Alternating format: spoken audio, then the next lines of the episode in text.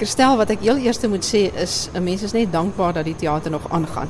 Dit is nie vandag 'n maklike bedryf nie. Enigiets wat met kuns en kultuur te doen het, verstaan 'n mens as gevolg van die ekonomie en onsekerheid in die land.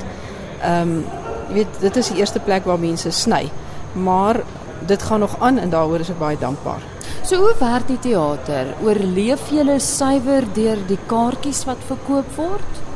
Ja, die teater bestaan uit en uit uh op grond van kaartjieverkope. Daar's nie 'n restaurant soos daar by sommige optreeplekke is nie. So die teater bestaan uit uit kaartjieverkope.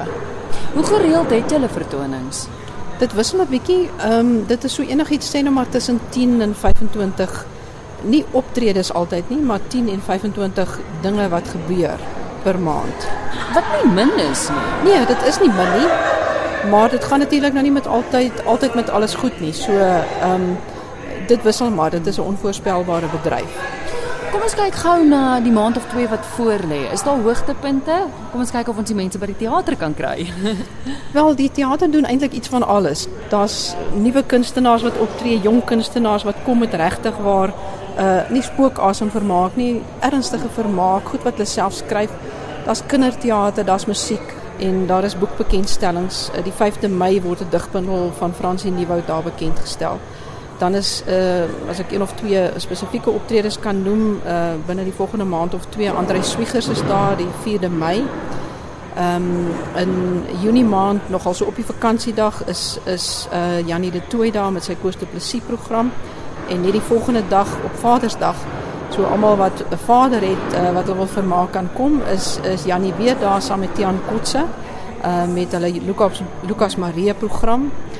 Daar is iets wat ek miskien uit die uit die uh, kat uit die sak uit kan laat. Daar's 'n moontlikheid dat Sandra Prinsloo kom kuier later in die jaar.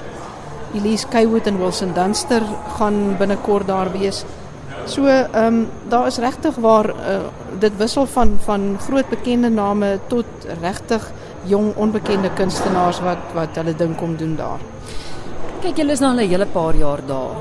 Ken jy die gehore nou al so goed dat jy weet dis 'n produksie wat gaan werk, dit gaan nie werk nie. Probeer jy soms iets nuuts?